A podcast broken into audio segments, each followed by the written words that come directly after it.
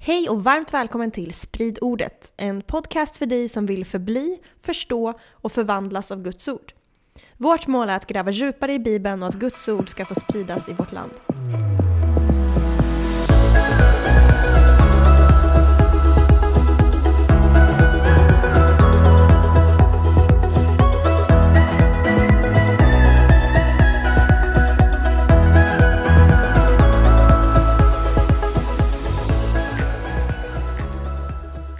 Läsa Bibeln som ett proffs. Vadå som ett proffs? Vad menar du med det? Ja, men nu ställer du mig här. Jag hade värsta snygga punchlinen och så bara ska du ifrågasätta det. Ja men proffs? Vadå proffs? Det är inte som att jag tänker att åh nu ska jag spendera lite tid med Gud där och jag ska göra det som ett proffs. Nej, nej, men det jag menar är ju att kunna läsa Bibeln mer avancerat, få ut mer av den än man tidigare fått. Lite som, ja, inte vet jag, professionella fotbollsspelare kan trixa mer med en boll än amatörer. Kanske få ut mer av det. Okej då. Eh, jag vet inte. Halv, Poängen, halvt poängen, godkänd förklaring. poängen jag vill göra är vi ska göra ett sista avsnitt här i bibelserien som vi har gjort nu. Och vi ska prata om redskap eller tekniker man kan använda sig av för att läsa bibeln lite, ja vad ska vi säga, man kan se ännu mer saker i bibeln än man tidigare sett. Spännande. Ja. Men eh, spoiler alert, nästa serie kommer också handla om saker som finns i Bibeln och serien efter det. Och efter det. För det här är en bibelpodd. Så är det, så är det, så är det. Yes, men jag tänkte så här, förra avsnittet då pratade vi om 12 punkter för bibelstudier och där pratade vi om Yes, vill Ja. du dra dem? Ja, varför Snabbt. inte? Varför inte? Eh, studera för Pre- andlig mognad. previously on Ja, exakt. Studera för andlig mognad, inbjud helig ande, ta del av undervisning som, håller dig, eh, som hjälper dig förstå, inse att det kräver ansträngning, försök förstå kontexten, Bibeln är gudomlig och mänsklig, behandla den som det. Hitta parallellhänvisningar och mönster, låt text tolka text. Läs olika översättningar, är det konstigt är det viktigt. Låt Jesus vara i centrum av dina bibelstudier. Om dina slutsatser efter studierna stör dig, låt dem göra det och applicera det du lärt dig. Mm. Det var lite 12 punkter sådär. Som man inte behöver bocka av varje gång man läser, men som kan vara till hjälp när man studerar Bibeln. Verkligen. Ja, man kan leva efter dem gärna. Halleluja. Det hade varit fantastiskt. Eh, ja, och jag tänkte, det här blir väl lite förlängning av det och speciellt den här punkten som handlar om eh, det här med eh, att hitta mönster, hitta parallellhänvisningar, låt text tolka text och så. Det är Just del i redskap liksom, Mm. som vi kommer att prata om. Men Bibeln, det är ju litteratur. Ja. Vad är litteratur för något, Jenny? Böcker. Texter. Texter ja. Det är egentligen skriven kommunikation genom vilken en författare förmedlar ett vad, alltså ett budskap, genom ett avsiktligt komponerat hur. Och huret är då det här litterära verket. Filosofiskt. Djupt. Och det vi ska fokusera på idag är huret, det här det Hur vi kallar skriver. Bibeln. Ja, exakt. Mm. Det vi kallar Bibeln då. Och vi ska kolla lite på de litterära teknikerna och redskap eller strategier som används av de bibliska författarna.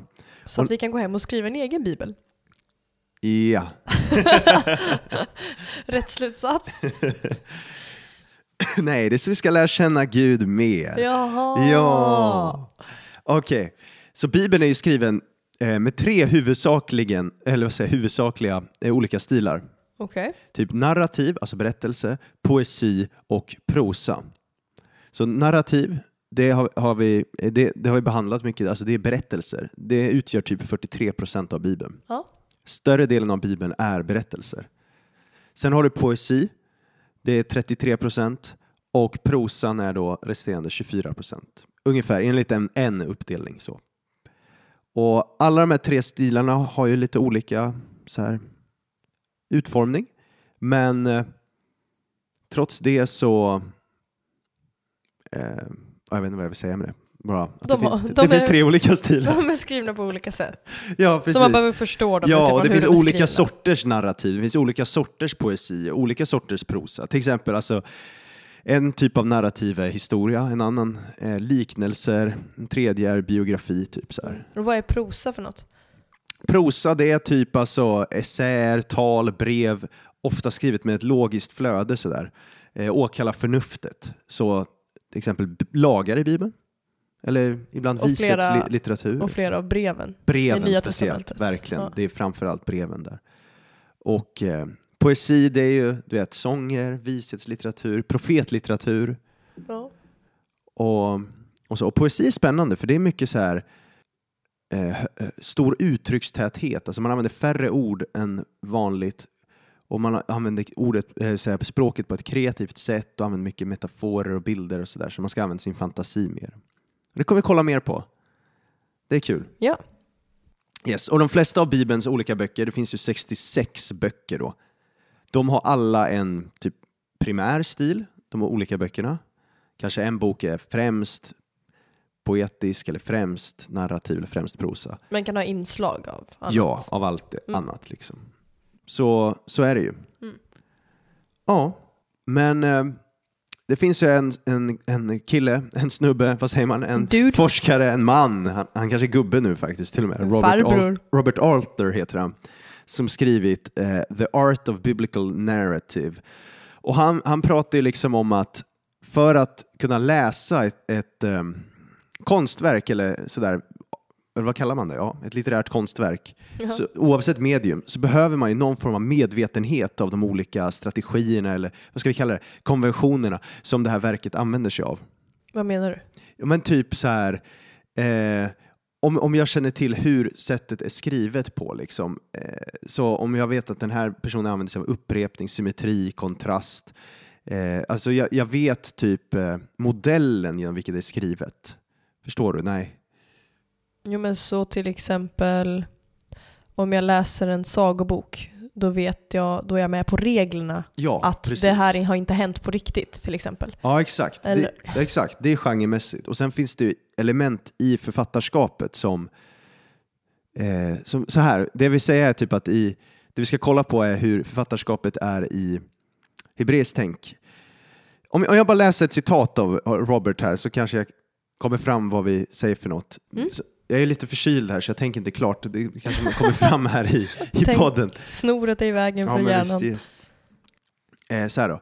Genom vår medvetenhet om konventioner, jag vet inte, conventions på engelska, alltså så här, kan vi känna igen betydande eller helt enkelt tilltalande mönster av upprepning, symmetri eller kontrast. Vi kan upptäcka subtila ledtrådar och ledtrådar om verkets innebörd. Vi kan upptäcka vad som är innovativt och vad som är traditionellt i varje del av det konstnärliga skapandet. En av de största svårigheterna som moderna läsare har med att uppfatta konstnärskapet i bibliska berättelser är just att vi tappat bort de flesta nycklarna till de konventioner som dessa texter utformats ifrån. Ja, det var ett svårt citat. Alltså, och, det det betyder är att det finns vissa regler som de bibliska författarna förhåller sig till, men ibland bryter de mot dem, eller de bryter mot de mönstren. Då. Och om man är van vid hur saker brukar funka så lägger man märka till det ännu mer. Bara, Aha, just det, vad var grejen med det här? Ja, men det finns ju till exempel eh, eh, ett sätt att skriva poesi, ett japanskt sätt att skriva poesi på som heter haiku. Mhm. Där, man, där det är en regel att man ska ha, vad är det, tre, tre rader med fem, sju och fem stavelser. Mm. Så alla vet det. Om man läser en diktsamling med Ja, haiku, då vet precis. man att det är fem stavelser, sju stavelser, fem stavelser. Exakt. Så då märker man till exempel att, aha, oj, här har någon varit busig och lagt in tio stavelser. Hmm, ett regelbrott. Det är vad är något, syftet Ja, med det? precis. Det kanske är något- något extra Snyggt. tydligt här. Ja, ja, fin, fin, fin bild där. Tack så mycket. Yes. All right, men då låt oss gå in på det här då. Läsa Bibeln som ett proffs. och det första jag vill säga är att Bibeln är designad, den är skapad för att vi ska stanna upp och reflektera över det vi läser. Hur vet du det? För Bibeln gör det påståendet själv. Den säger det om sig själv i, i psalm 1 där, att eh, den säger att salig är den som har sin glädje i Herrens undervisning och begrundar hans ord dag och natt. Begrunda, tänka över, reflektera över. Josua 1 också va? Ja, visst. Meditera på det dag och natt. Ja, exakt. Hela den grejen. Mm. Och Så det vi behöver vara uppmärksamma på när vi läser Bibeln, och speciellt hebreiska Bibeln, alltså Gamla Testamentet, Mm. det är att det skiljer sig väldigt mycket från vår moderna litteratur i det att det saknar många detaljer som vi är vana vid i modern eh, bokförfattarskap idag. Liksom. Som till exempel. Nej men till, så här. Eh, det, det, om, om, en vanlig berätt, om någon skulle berätta en berättelse i en roman idag, då skulle man kanske beskriva det som att Ja, och där gick flick, flickan på den gröna ängen med prästkragar och gul klänning och solen, inte vet jag, smekte mot hennes kind och det var 38 grader varmt och hon svettades jättemycket och svettet dröp ner från hennes panna. Jag Vad är det för sjuk bok? Jag försöker bara ge en väldigt liksom, elaborerad, utvecklad beskrivning av någonting. Det kommer ja. du aldrig se i den hebreiska bibeln. Nej. Det är inte massa, massa adjektiv. Det är, det är ganska sparsmakat. Mm -hmm. Jag fattar. Vilken sjuk bild jag målade upp där. Ja, Hitta på Assvettig Först första idyllen och sen bara... Jag kanske känner mig febersjuk nu när vi spelar in här. Okej. Okay. Det går bra nu. Yes. Eh, men, men Bibeln, den har väldigt få detaljer. Och det kan få en att tro att Bibeln är väldigt simplistisk. Mm. Men i själva verket är den väldigt sofistikerad. Da, da. För varje detalj som då ges spelar extremt stor roll. Men också avsaknaden av detaljer, det gör ju så att berättelserna blir laddade med otydligheter och frågetecken. Ja. Eller hur? Vad ska det vara bra för? Till exempel, jag vet inte, första berättelsen, första Mosebok. Helt plötsligt dyker en orm upp.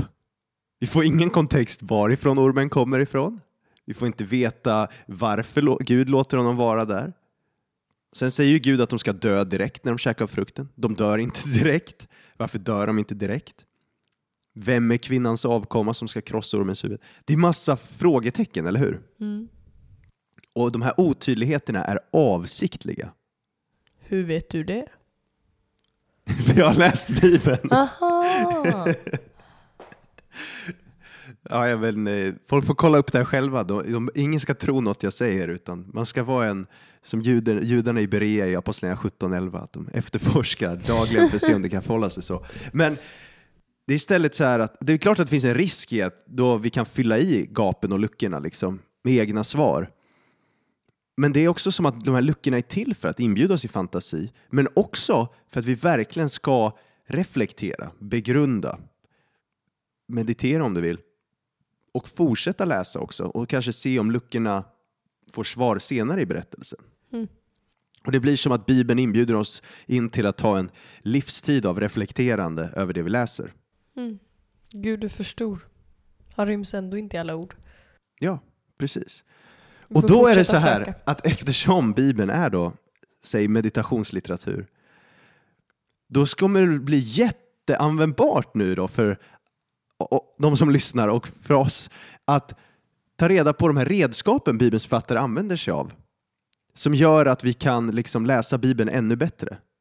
Och Det jag skulle vilja göra nu är att vi ska sätta ord på eh, fenomen som förekommer i Bibeln så att man kan se dem klarare. Mm. Jag läste eh, en gång ett citat, jag tror det var Albert Einstein, alltså, men det känns som att internet liksom tillskriver alla citat Einstein. Citat, internet. men det var en teori är användbar för den bestämmer vad du ser. I det att när någon Djupt. målar upp någonting så kan du se plötsligt saker så här. Eller det finns en kraft i att sätta ord på saker. Jag vet inte, typ så här om jag kommer hem någon dag och sen plötsligt kanske jag är lite, inte vet jag, vresig, otrevlig, ohelgad mot dig. Och sen pratar vi lite så här och sen bara kommer det fram efter ett tag att vänta, det är inte dig jag är irriterad på, det är något annat jag är irriterad på. Och när jag sätter ord på det då, då får jag som grepp över situationen mer och eh, det blir bättre dynamik mellan oss. Och då inser du hur fantastisk jag egentligen är. Ja, ja exakt. exakt. Och poängen vi gör med det är då kraften att sätta ord på saker så att man ser saker. Verkligen. Och, och då, då, får man liksom mer kontroll över det. Mm. Och jag hoppas det är det vi ska göra nu. Yes. Så vi ska köra lite redskap och vi ska börja med det första redskapet.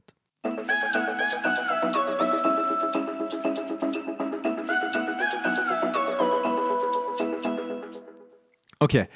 första redskapet vi ska kolla på är paralleller. Logiskt att vi ska börja med det första. Vill du berätta om det första då? Nej, det är du som är smart där. Jag är den roliga. Okej. Okay. Eh, parallellism, det är typ det viktigaste redskapet nästan man kan ha med sig när man läser Bibeln. Förutom så här, kon- läsa saker i kontext och författarens intentioner och sånt. Och bjuda in heligande. Ja. Och det är, Bibelns poesi är jättespännande. Om jag, om jag sjunger för dig Blinka lilla stjärna där, hur jag undrar var du Hej. Ja, kanske inte på det sättet. Men du hade rätt på ordet i alla fall. Yes! Och du förstod att det ordet kom för att mycket av vår lyrik eller poesi är rimbaserad, eller hur? Mhm. Den är baserad på rim. Men inte så i hebreisk. Utan då använder man sig mycket mer av paralleller och att man rimmar istället för på stavelser så rimmar man på typ tankar. Vad menar du? Ja, vi kommer kolla på det. Ooh. Och vi kommer kolla på dels poetiska texter men sen vi kommer toucha att paralleller dyker upp också i narrativ och i prosor. Så det är oftast att poesi, poesi då, då är det två strofer som är placerade bredvid varandra. Så först kommer ett uttalande och sen följs det av ett annat uttalande.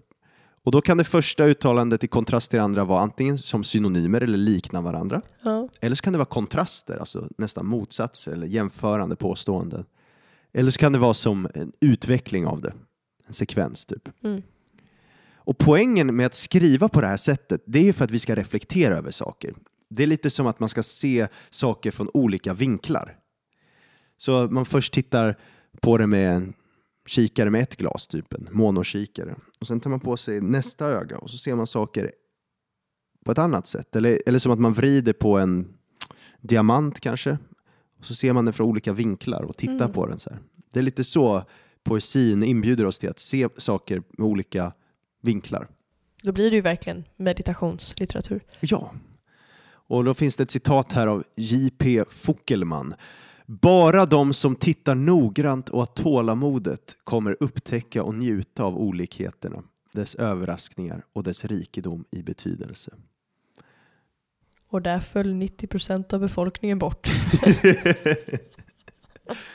Och det finns ett hebreiskt ord som beskriver det här, det heter mashal. Eh, och det översätts i våra biblar med ordspråk, men det betyder också, om det används som ett verb så betyder det att jämföra saker och ting. Och Bibeln använder sig av det jättemycket, då, jämförelse, parallellism. Och det dyker upp hela tiden. Jag tänkte vi ska läsa till exempel, ett exempel på en ganska djup parallellism här då, i psalm 62, vers 12-13. Ett har Gud talat. Två ting har jag hört.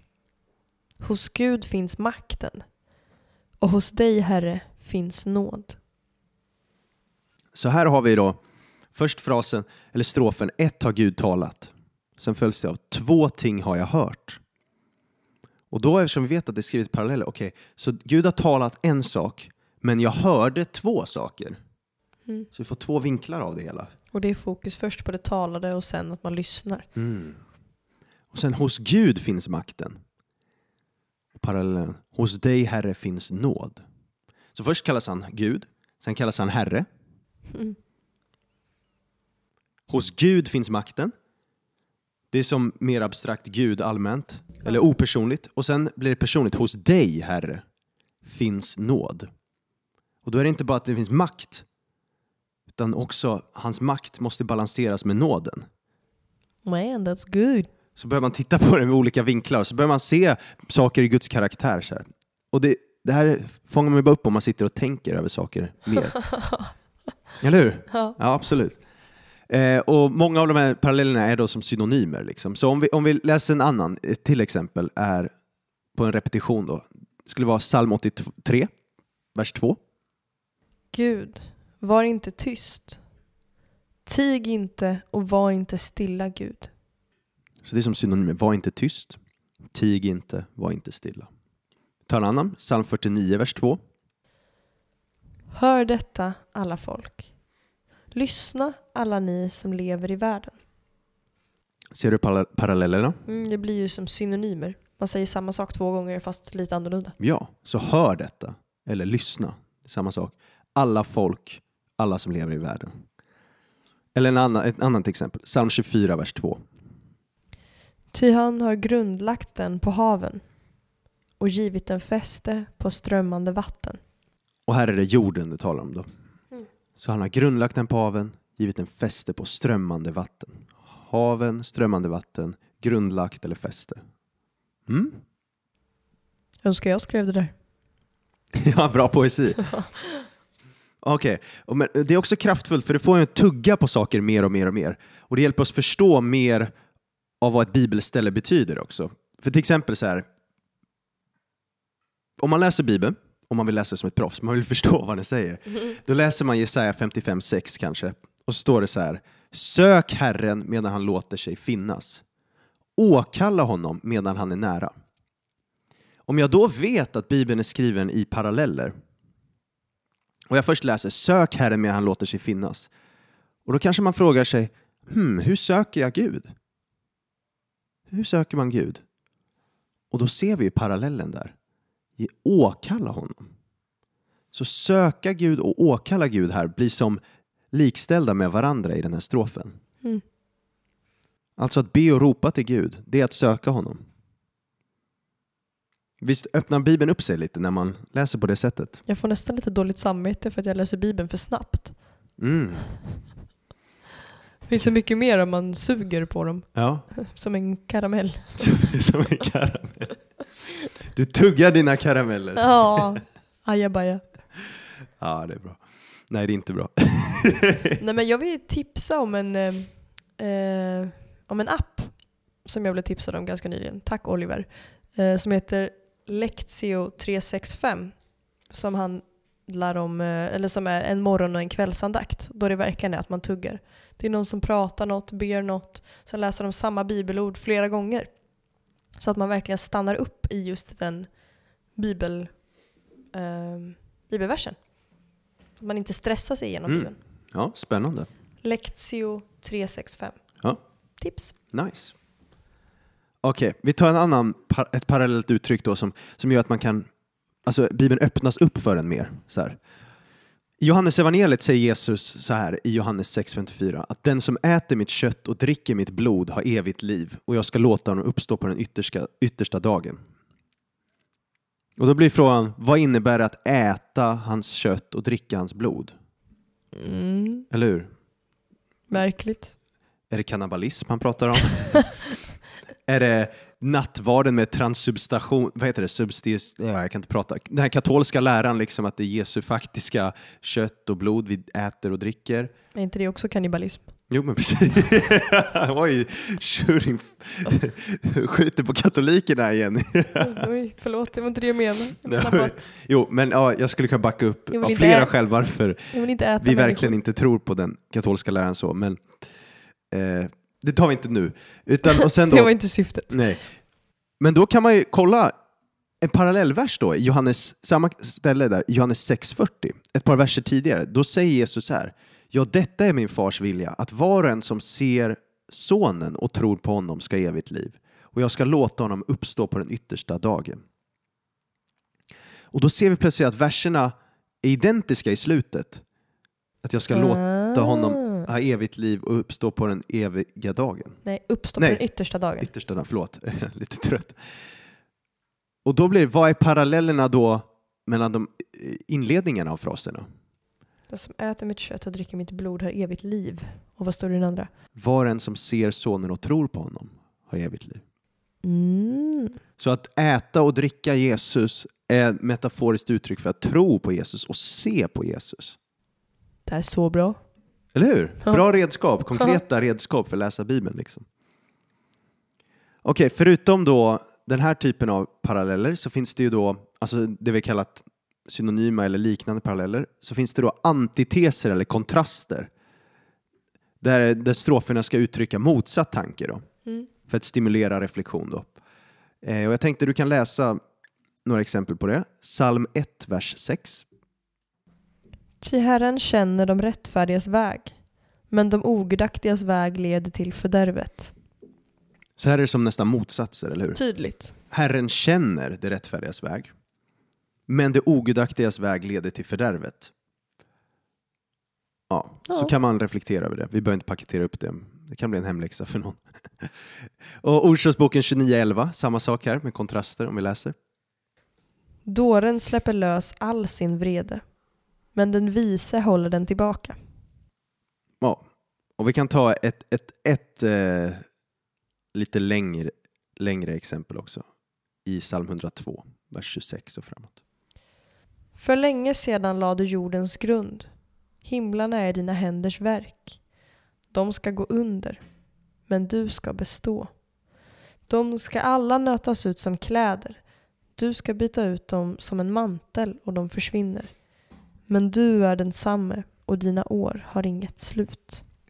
Och här har vi paralleller i form av både det här liknelse, alltså, eh, synonymer och antiteser. De ska gå under. Det är samma sak som de ska alla nötas ut som kläder, bytas ut som en mantel och de försvinner.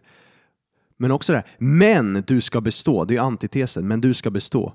Och det är samma sak som, men du är densamme och dina år har inget slut. Mm. Så ibland liksom, så använder de ett kreativt användande av de här bilderna, poeterna.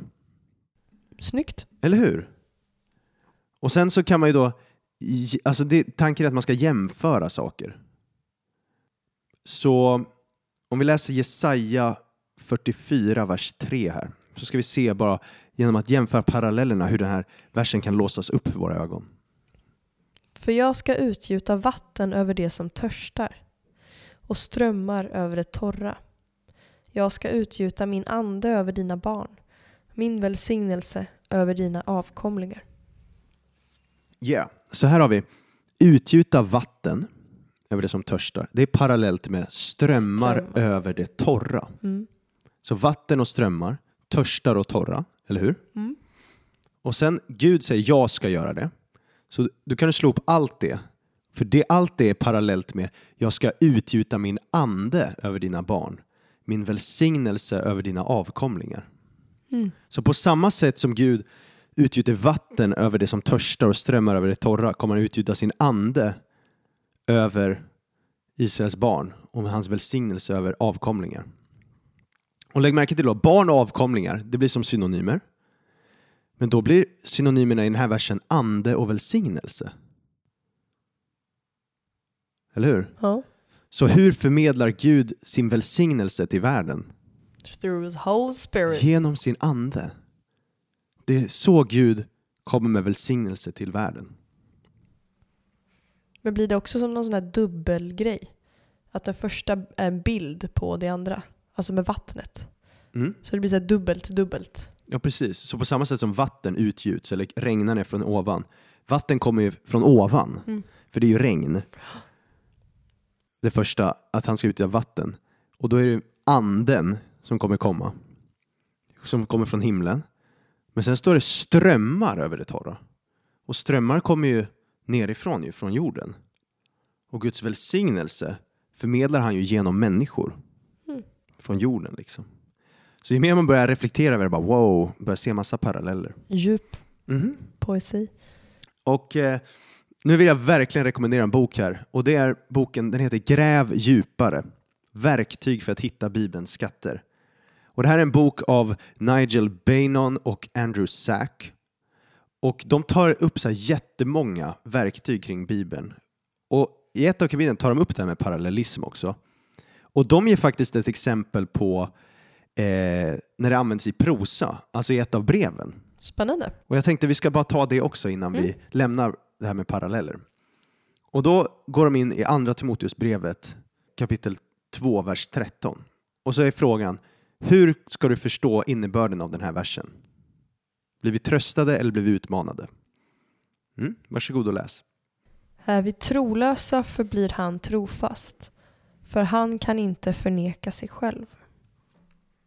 Så då kan man antingen tolka texten så här, just det, vår relation med Gud, den kan inte ens äventyras även om vi, om vi är trolösa, för han är alltid trofast mot oss. Det är själva hans natur. Och det skulle ju vara jättemycket tröst. Mm. Men man skulle också kunna tolka det med akta dig för att vända Gud ryggen, för om du gör det kommer han i trohet mot sin egen natur vända dig ryggen. Och då skulle det ju vara en va- varning. Liksom. Ja. Och det finns stöd i Bibeln för båda alternativen. Eh, liksom, det står ju att Gud är trofast och därför förlåter han oss våra synder när vi syndar. Men det är också sant ju att han, Gud kommer förkasta dem som förkastar honom. Du vet i Lukas 9.26. Ja. Så frågan är, vad är betydelsen då i det här? Och det kommer vi fatta om vi läser sammanhanget, för då ser vi parallellerna. Så vi läser andra Timoteusbrevet 2, 11-13. Detta är ett ord att lita på. Har vi dött med honom ska vi också leva med honom. Härdar vi ut ska vi också regera med honom. Förnekar vi honom ska han också förneka oss. Är vi trolösa förblir han trofast för han kan inte förneka sig själv. Och här har vi en massa paralleller då. Först börjar med, har vi dött med honom ska vi leva med honom. Härdar vi ut ska vi regera med honom. Det är som dött med honom och härda ut är paralleller. Leva med honom, regera med honom, paralleller. Och då antar vi att nästa saker också kommer vara parallellt. Förnekar vi honom kommer han förneka oss. Är vi trolösa? Att vara trolös är ju samma sak som att förneka Jesus. Mm. Och i den första sa han förnekar honom ska han förneka oss. Och här står det är vi trolösa förblir han trofast. Då handlar ju det om att han kommer förneka oss då. Förstår du? Om vi förnekar honom. Ja, precis. Så det är mer en utmaning. Mm, exakt. Att vara, vara trogen Gud liksom. I den här kontexten. För versen innan syftar på det. Ja. Så det här är liksom ett redskap man kan använda sig av för att förstå mer vad man läser. Och det här dyker ju upp också i berättelser, i narrativ då, i parallella berättelser på ett jättespännande sätt. Så här. Och jag kommer inte liksom gå igenom det superavancerat, men det kan vara att man jämför första Moseboks eh, kapitel 2 och 3 med kapitel 4. Adam och Eva-berättelsen jämfört med Kain och Abel-historien. För då är det som paralleller mellan varandra. Det börjar med att de får ett val, att välja livet eller döden. Att människorna frestas av ett djur. I Kain och Abel så finns det inget djur som frestar, men där beskrivs synden som någonting som står och lurar. Och på hebreiska är det ett ord som beskriver ett djur som liksom så crouching på engelska. Oj, läskigt. Ja, som står och är redo att ta en. synden. Ja, precis. Och sen så i båda berättelserna är att människor ger in för frestelser och det får destruktiva konsekvenser. Gud frågar människorna, var är du någonstans? Och Gud frågar, var är, var är din bror till Kain? Vad har du gjort? Och han frågar kvinnan, vad har du gjort? Och han frågar Kain, vad har du gjort?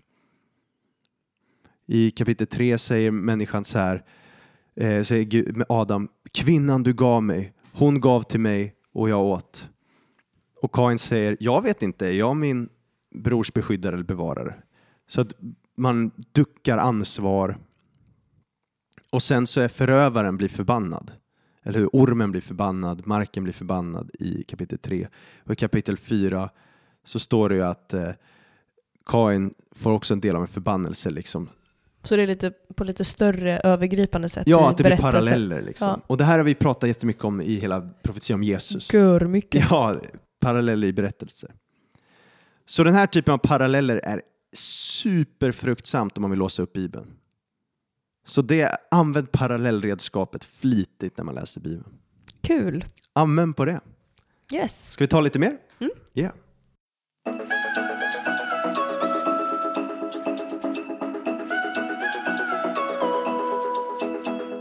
Okej, en annan teknik som Bibelns författare använder sig jättemycket av det är chiasmer. Alltså, vi har pratat en del om det i, i podden redan flera gånger, men det är ett mönster i stigande och sjunkande ordning där fokuset är i mitten av mönstret. Så ett mönster som är A, B, A eller A, B, B, A. Eller... Alltså att det är olika teman eller så i ja, texter. ja, precis. A, B, C, C, B, A, A, B, C, D, C, B, A. Ja, jag behöver inte rabbla mer bokstäver. Och eh, ett exempel vi nämnt några gånger tidigare som jag vill nämna igen, det är till exempel att det kan vara på makronivå, alltså i stora sjok. Så till exempel Daniels bok, kapitel 2 till 7, är en stor chiasm. Just det. För då är kapitel 2 ju om Nebukadnessars dröm om fyra riken och Guds rike. Och kapitel 7, som är pa- matchar det då, är Daniels vision om fyra riken och Guds rike. Sen är kapitel 3 hur de här tre brinnande i ugnen blir oskadda. Och kapitel 6 är hur Daniel i lejongropen blir oskadd. Mm. Gud bevarar sina trogna. Kapitel 4 är hur Nebukadnessars stolthet blir ödmjukad och han bekänner att Gud är kung. Och kapitel 5 är hur Belshazzars stolthet ödmjukas och han bekänner att Gud är kung. Så där är huvudtemat och det som är i mitten. Ja, Att Gud är kung, att man ska ödmjuka sig yes. honom. Så fokuset för chiasmer är i mitten. Och det finns överallt. Liksom så här. Det finns även på liten nivå. Typ. När Jesus pratar i bergspredikan så säger han ingen kan tjäna två herrar. Antingen kommer att hata den ene och älska den andra eller hålla fast vid den ene och förakta den andra. ni kan inte tjäna både Gud och mammon. Så då börjar han först med ingen kan tjäna två herrar och avslutar med ni kan inte tjäna både Gud och mammon. Och sen i mitten har du antingen kommer hata eller älska den andra eller hålla fast vid den ena och förakta den andra.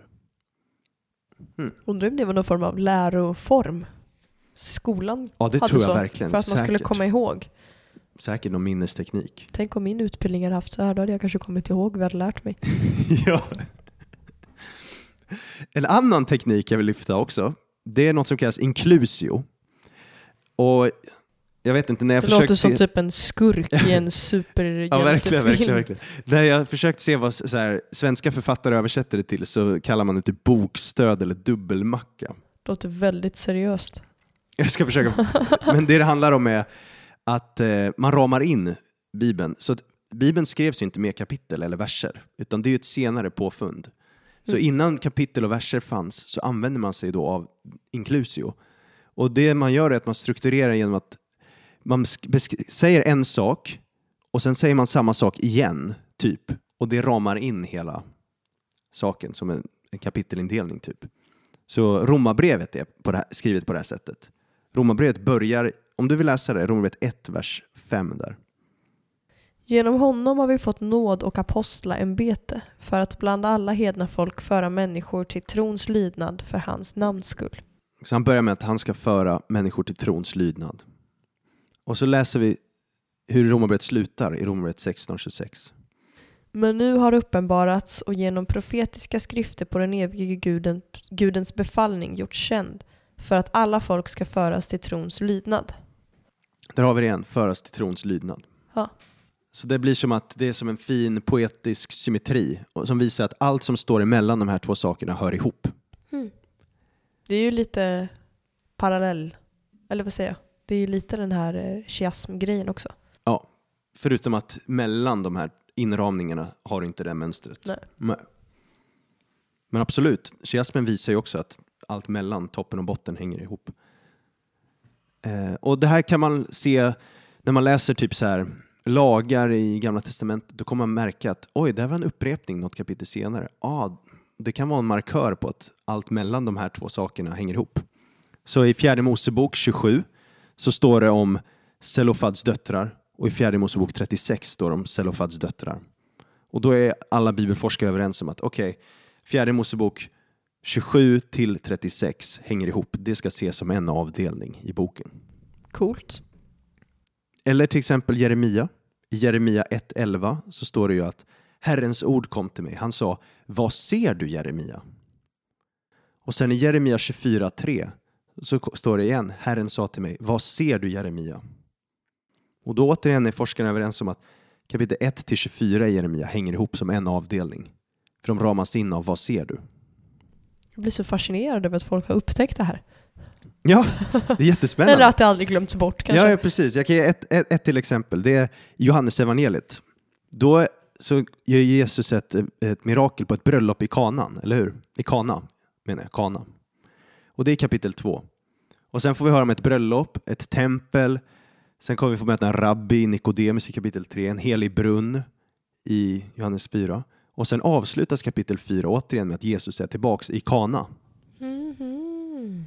Och då är tanken att Johannes har designat det här så att det vi kallar kapitel 2, 3, 4 har han tänkt att se som en enhet.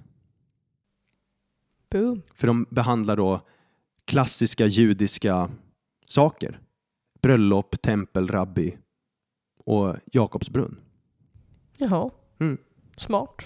Så det får man, vara, man ska vara uppmärksam på det där. Välskriven bok. Repetitioner, paralleller, upprepningar liksom. Vilket för mig vidare direkt till nästa teknik då. Vilket är upprepningar. Upprepade ord, motiv, teman. Repetition är kunskapens moder. Repetition är kunskapens moder. Ja, det står inte i Bibeln, men man skulle kunna tro att Bibeln tror på det uttalandet verkligen. Och jag är så sugen på att säga det typ 30 gånger till, men jag ska inte göra det. Ja, exakt. Och, och liksom Bibeln, det är lite likt så här moderna filmregissörer också. De skapar ofta en så enhet i berättelsen med olika teman eller motiv som dyker upp gång på gång igen. Eller en modern symfoni, ett motiv dyker upp om och om igen, men ibland med små twistar. Liksom. Eh, och du som är Sagan om ringen-fan, Ja då. det finns ju motivet av ringens frestelse där. Mhm. Då kommer samma melodislinga. Mm. Och då är det att vissa karaktärer blir frestade av ringens makt och ger vika för den. Typ Smygol, Mm. Boromir, Frod, Oh. Frodo. Mm. Medan andra står emot den. Med knapp det. nöd. Så stolt över dig att du gör den här liknelsen. Typ Bilbo eller Gandalf. Ja.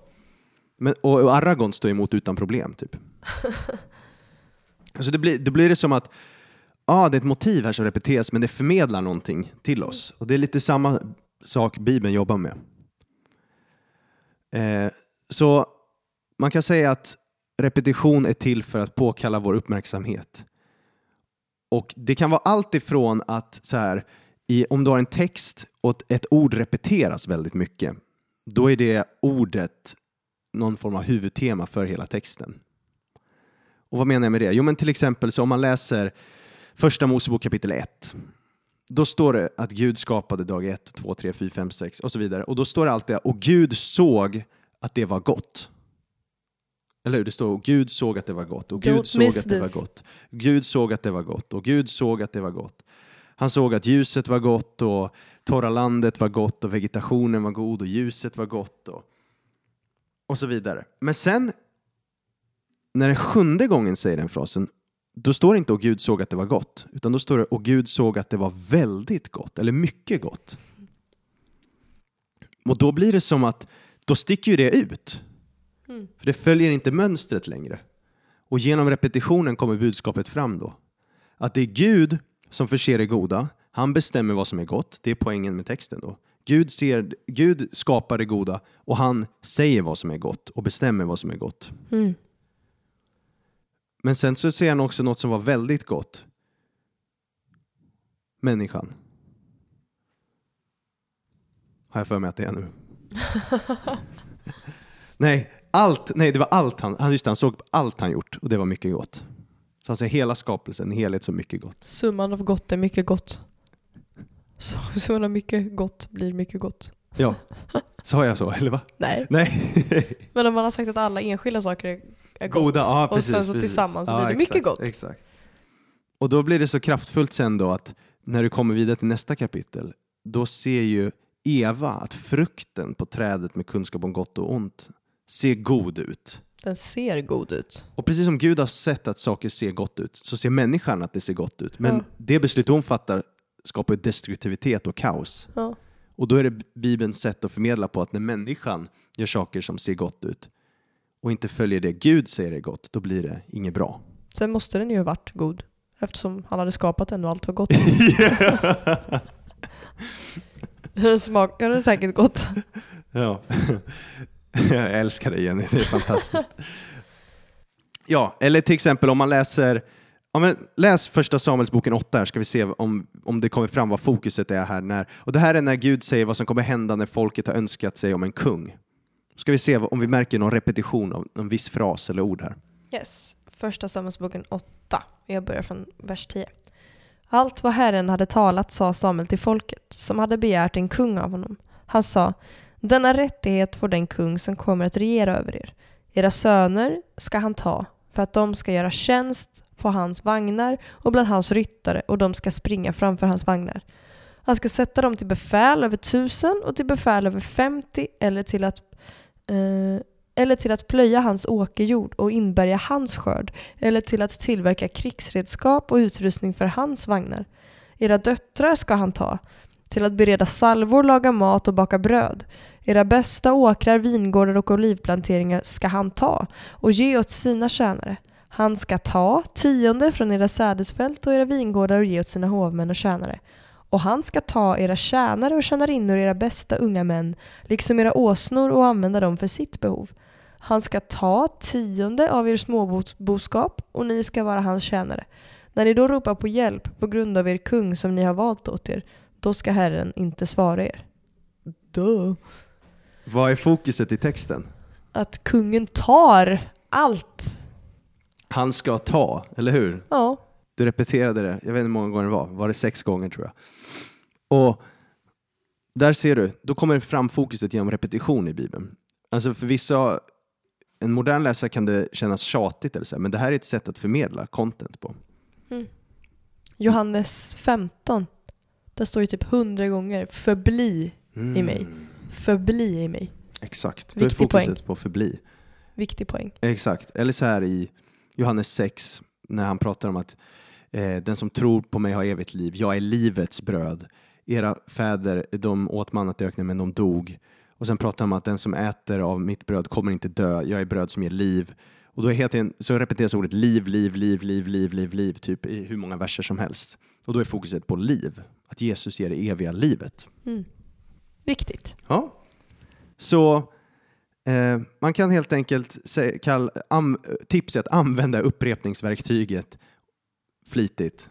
Mm. Det kommer låsa upp Bibeln för en, något enormt. Och ett sista redskap jag vill lyfta då. Yes. Jag nämnde det förra avsnittet också. Intertextualitet eller referenser. Då. Alltså saker som sammanflätar Bibeln, alltså när det refererar saker till varandra. Mm. Bible Project, de här eh, som gör ett, eh, som Youtube-videos som förklarar Bibeln, Mm. de älskar ju att använda frasen hyperlinks, hyperlänkar. För du vet, som på internet så när man klickar på en länk så tas man vidare till en annan länk som refererar till Mm. olika saker. Och Bibeln är skriven på det sättet. Och de här referenserna, citat är obvious, liksom, när det är ett citat. Då fångar man upp det, okej det här är ett ordagrant citat. Typ när man i Nya Testamentet citerar något från gamla. Ja, precis. Sägs, som det är sagt genom profeten. Mm. Då förstår jag, ah, okej vi ska kolla där. Men referenser kan ju ibland vara svårare att fånga upp. För ibland kan det ju bara vara liksom en anspelning på det. Det kan vara ett eko från en annan del av Bibeln. Och då måste man vara mer lyhörd. Eller ha en bibel med noter i, eller vad heter det? Hyperlänkar. Ja, ja, exakt. Fotnoter. Färdigad, ja, exakt, längst exakt, ner. Exakt, parallellhänvisningar. Just det. Yes. Och ja, det är så vi alla människor funkar. Alltså, man säger olika referenser. Vi har pratat om det typ någon gång, att om jag säger det var skönt. Då tänker du på en Youtube-video. Ja. Vem var det som kastade? Ja, det kan hända. Och så vidare och så vidare. Exakt, Du exakt. som har sett de här filmerna vet vad det är, men du som inte har sett dem vet Nej. inte vad det är. Men vad skulle hända om du får höra det här då Jenny? 100 procent. Om du får höra Markus 12.1. Om du skulle höra det här. En man planterade en vingård. Han satte stängsel runt den, högg ut en vinpress och byggde ett vakttorn. Sen arrenderade han ut den till vinodlare och reste bort.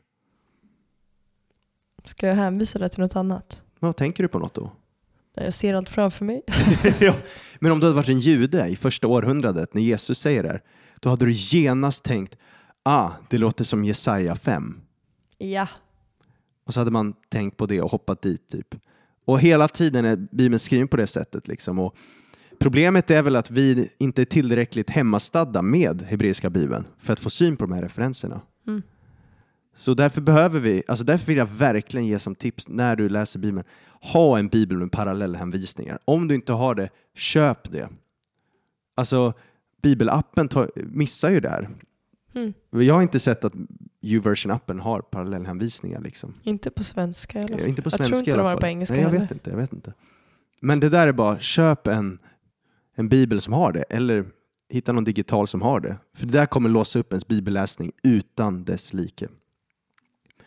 Och sen så är det klart att det alltid finns eh, fallgropar, att man börjar se saker som inte finns där. Alltså så här, inte vet jag, man hittar paralleller som kanske inte riktigt är paralleller. Typ, ja, Jesus red in på en åsna i Jerusalem.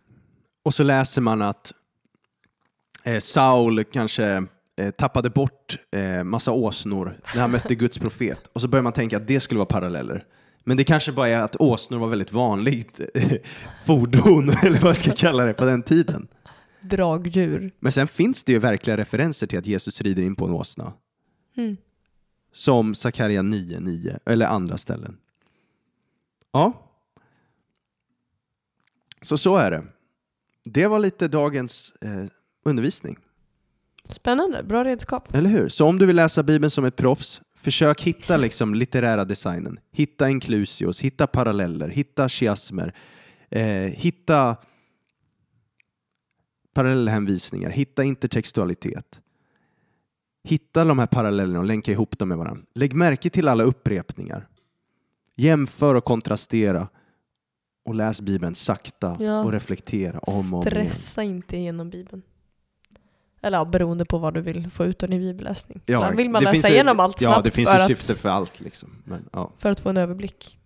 Men eh, ja, bra sätt. ja, Tack för bra tips. Det är nog slutet på den här serien. Det fäller vi en tår. Har du någon sentimental reflektion? Nej, jag är mest taggad på att gå in i något nytt. Härligt. Så funkar jag.